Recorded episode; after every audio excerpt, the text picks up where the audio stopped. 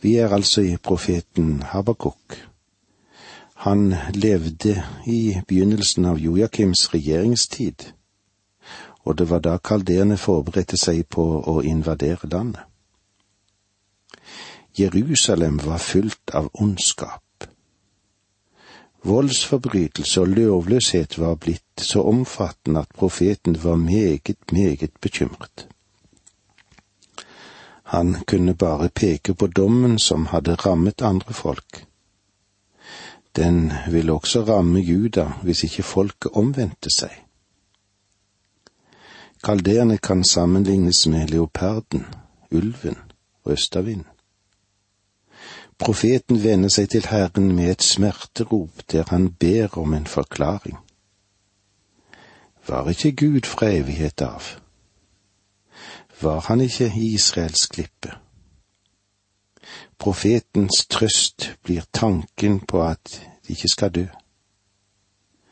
En gammel lesemåte er Du skal ikke dø, som det minner oss om i åpenbaringen i natten. Du udødelige uforanderlige, livgivende frelser. Vi klynger oss til deg når stormene går over verden. Og i dette så kommer òg Havakuk med det store spørsmålet hvorfor. Hvorfor er det slik? I versene tre og fire i det første kapitlet leser vi slik. Hvorfor lar du meg se urett og være vitne til ulykke? Jeg ser bare ødeleggelse og vold. Det kommer til strid og trette. Derfor er loven maktesløs, og retten vinner ikke fram. For gudløse omringer de rettvise, og dermed blir retten forvrengt. Dette er et spørsmål som dukker opp igjen og igjen, både i gammel tid og i ny tid. I innledningen eller i introduksjonen til denne boken, som Habakuk har skrevet, antagelig etter at kong Joskias regjeringsepoke var, han som var den siste gode kongen i sydriket Juda. Etter Josia kom Jokas, en vond konge, som ikke varte mer enn tre måneder. Og etter dette så kom Jojakin, og han hersket i elleve år. Han var òg ond. Og det var en tid med oppløsning. Det var en tid med indre strid og degenerering i dette folket. Moseloven ble satt til side, og folket vendte seg bort fra Gud. Og så kommer spørsmålet, da. Hvorfor tillot Gud at alt dette onde skulle skje? Og ut av dette kom tilleggsspørsmålene. Tror du at en Gud som er kjærlig, vil tillate så mye vondt i verden? Tror du at en kjærlig Gud med et mildt hjerte kan tillate all denne lidelsen i verden? Du husker kanskje at fienden brukte den samme metode overfor Reva, og eh, det står slik i første Mosebok i kapittel tre, og han sa det omtrent slik. Mener du virkelig å si at Gud ikke ønsker at du skal ete av det treet? Hvorfor? Det treet har jo den deiligste frukt blant alle trærne her i hagen. Og hvis du eter av dem, så vil øynene dine åpnes, og du vil bli lik Gud. Jeg kan ikke tro at en god Gud vil forby deg å ete av det treet. Det skjønner jeg ikke. Du forstår han forsøkte å undergrave hennes tillit til Guds godhet. Det er alltid der fiendene starter. Habakuks spørsmål passet inn i den nasjonale situasjonen i samtiden. Mennesker kunne komme seg unna med sin synd, og tilsynelatende gjorde ikke Gud noe med dette. Spørsmålet hans var hvorfor dømmer ikke Gud de onde? Hvorfor tillater Gud onde mennesker, menn og kvinner, av fremgang? Og eh, det er vel kanskje et spørsmål vi møter også i dag, det. Jeg er sikker på at en av Guds folk har spurt det på denne måten. Hvorfor dømmer ikke Gud det onde i vårt folk i dag? Hvorfor tillater han de rike å bli rikere? Og hvordan kan det ha seg at gjennomsnittsmennesket skal bære så tunge byrder gjennom stadig økte økonomiske og sosiale belastninger? Hvorfor er det ikke slik at Gud gjør noe med dette? Er eh, dette ditt spørsmål? Det var også salmisten sitt spørsmål, det, slik som vi ser det i Salme 73, 2 og 3. Men jeg var nær ved å snuble. Mine føtter holdt på å gli ut, for jeg ble harm på det hovmodige. Jeg så at det gikk de ugudelige vel. Når han så seg rundt, så så han at det gikk vel for det de var onde og det fravrøver han nesten troen. Hvorfor gjorde ikke Gud noe med dette? Folk i Juda oppfattet åpenbart seg selv som om de var Guds yndlinger, og at han dermed ikke ville straffe dem for deres synder. Det var vel slik at kanskje første gangen de gjorde noe ondt, var de våkne, og så undret de seg på om Gud ville straffe dem. Når han ingenting gjorde, antok de at det de hadde gjort, hadde han ikke lagt merke til, eller at han ikke brydde seg om det. I den gamle predikerens bok, eller Forkynneren som det nå heter, har eh, følgende kommentar i det åttende kapitlet, vers elleve. Om dommen over den onde gjerning ikke straks blir satt i verk, får menneskene mot til å gjøre det onde. Skal vi gjenta det? Jeg tror det er nokså viktig for oss å stoppe opp for dette. Om dommen over den onde gjerning ikke straks blir satt i verk, får menneskene mot til å gjøre det onde. Menneskenaturen forandrer seg ikke. De syndene som ble begått i mørket, i bakgården stilles nå åpent frem i hovedgatene men forandrer det selve det faktum at synd er galt i Guds øyne, og at han skal det dømme hver synd. Nei, Gud har ikke forandret sin standard eller sin prosedyre. Selv om hans inngrep mot det onde ikke skjer raskt, så vil hans dom sikkert komme en gang. I våre dager er det kanskje få mennesker som tror på Guds dom. De kjenner det som Habakuk gjorde da han så at folket gikk nedover og nedover helt til synden var absolutt åpenbar.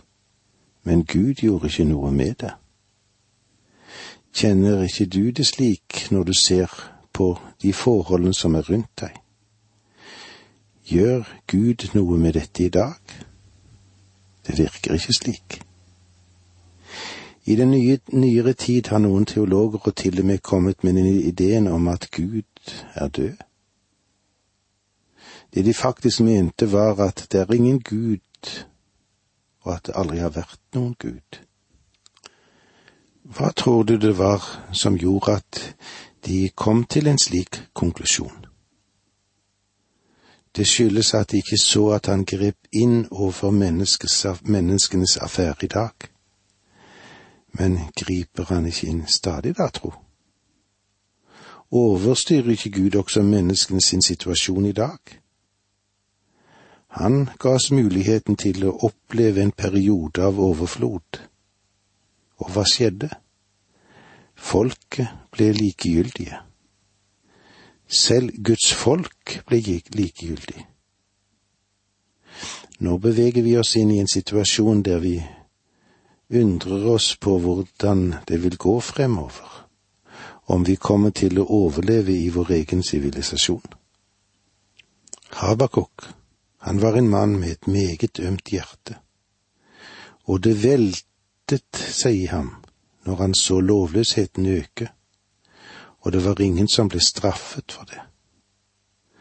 Han fortvilte når han så uskyldige mennesker bli truet og utnyttet og ødelagt og han spør, Gud, Hvorfor gjør du ikke noe med det? Har du et lignende spørsmål?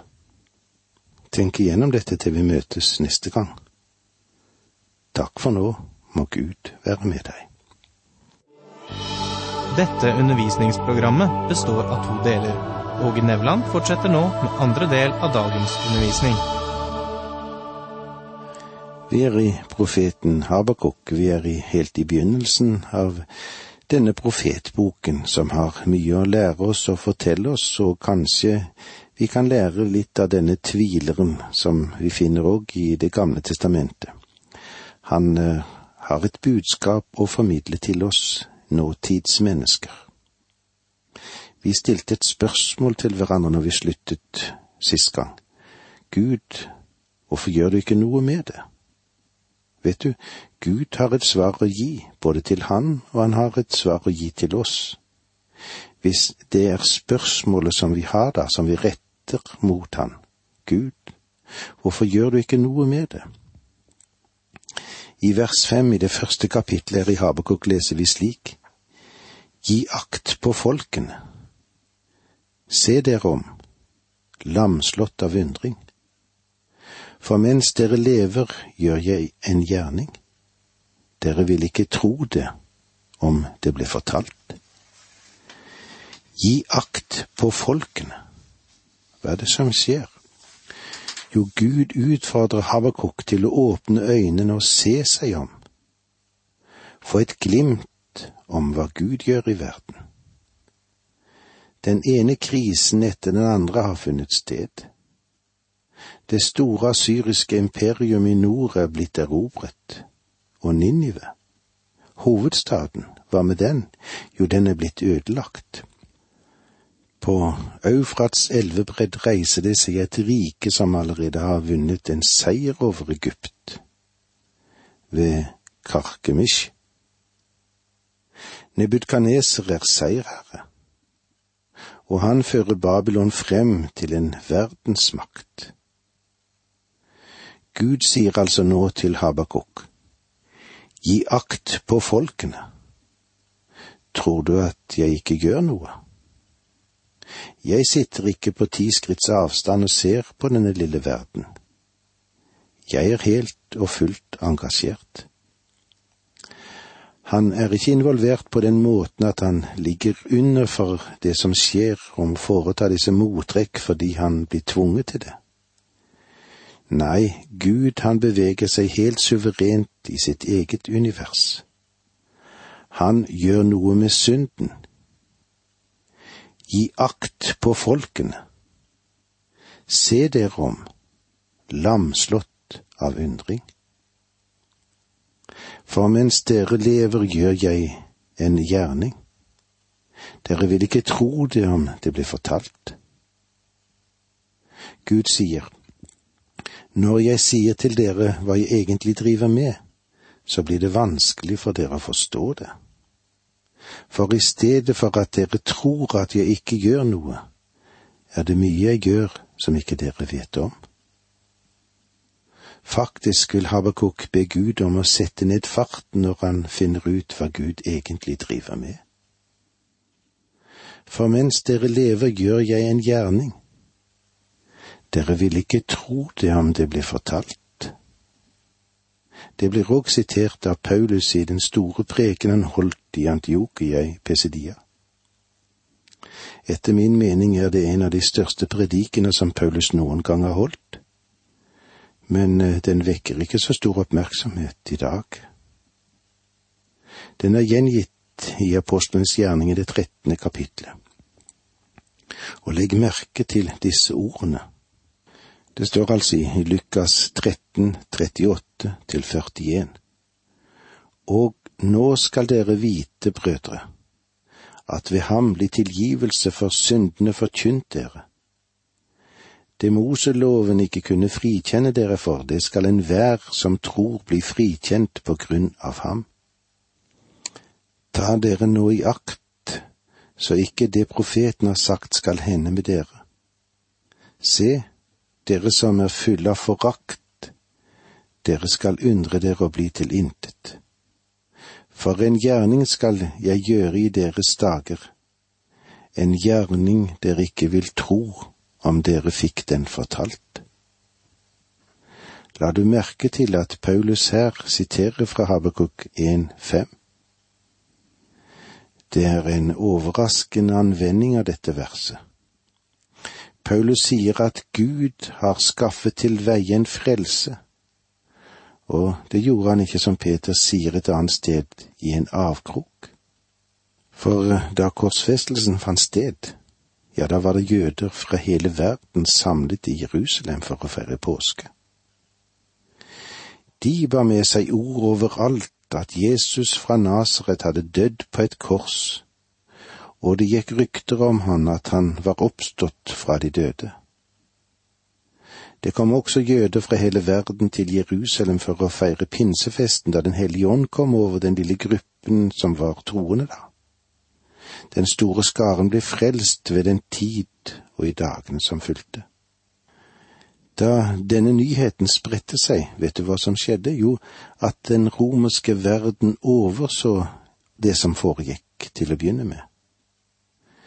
Paulus sier at Gud hadde gjort en gjerning i deres tid, en gjerning dere ikke ville tro om dere fikk den fortalt.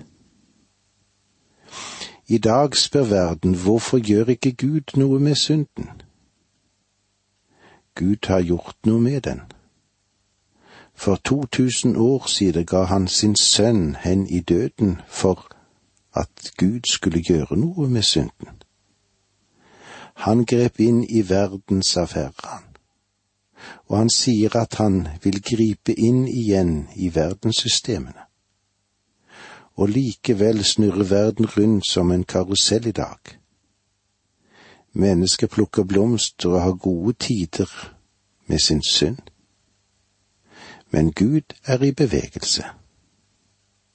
Det er fantastisk hvordan Paulus kunne bruke Habakuk 1.5. Gi akt på folkene. Se dere om, lamslått av undring. For mens dere lever gjør jeg en gjerning, dere vil ikke tro det om det blir fortalt og på Habakuks tid var Gud i aksjon også. På tross av all lovløshet, på tross av krig og synden i alle folkeslag, så overstyrte Gud og beveget seg i dom. Og nå konkretiserer Gud mer hva han gjør, og vi leser i vers seks i det første kapittelet her i Habakuk. Se, jeg vekker kalderene det harde og voldsomme folket som farer vidt omkring på jorden og tar andres boliger i eie. Gud sier til Habakuk, se deg rundt. Der nede på Eufrats bredder vokser det frem en nasjon som skal bli den fremste verdensmakt. Dette kan vi kontrollere med Daniels bok fordi Babylon er et hode av gull og løven i Daniels syner. Babylon var nummer én i paraden over de store nasjonene i verden. Og tar andres boliger i eie. Gud sier til Habakuk at babylonerne skal ta Juda fra dem. Det var et sjokk for Habakuk å høre dette. Det harde og voldsomme folk er en god beskrivelse av babylonerne. De var bitre de var hatefulle, og de var hissige. Og de marsjerte for å erobre verden. De tok faktisk Jerusalem tre ganger, og den tredje gangen, gangen brente de det ned til grunnen. Babylonene var en lov i seg selv. De så på seg selv som den overlegne rase, den mest fremstående rase og de anså ingen andre folkeslag til å stå på like fot med seg selv. Vers syv Grufulle og skremmende er de. De avgjør selv sin rett og sin ære. De avgjør selv sin rett. Det betyr at de stoler bare på seg selv. De har stor selvtillit og roser seg av sine egne meritter. Disse kvalitetene er helt åpenbare i Nebukaneser, grunnleggeren av dette store imperiet. I Daniels bok ser vi at Nebukaneser led av en form av vanvidd, et egosentrisk hysteri. Det var en slags manisk depressiv psykose, dette, og det kom en tid han ikke engang visste hvem han var. Faktisk sprang han ut og åt gras som et dyr. I vers åtte leser vi slik. Deres hester er raskere enn leoparder. De løper fortere enn steppeulver. Deres ryttere sprenger frem, deres ridehester kommer fra fjernt land, som ørnen på jakt etter føde. Det er et mektig bilde, dette. Babylonene anvendte kavaleri som kanskje ingen annen nasjon har brukt, så strategisk som det. Egypterne brukte vogner, og asyrene laget nye modeller av disse stridsvognene. Nå effektiviserer Babylone kavaleriet. Det økte deres mobilitet. For å angi hvor radikalt mye raskere babylonernes fremste ordning var, sammenligner profeten dette med leoparder med steppulver og ørner. Babylonene ville komme sin hær som en flokk sultne dyr og hissige fugler og kaste seg over sitt bytte. Dette var historien om kalderene, om babylonerne. Og så spørs det hvordan er det med oss i dagens situasjon? Det var så langt vi kom i dag. Takk for nå, må Gud være med deg.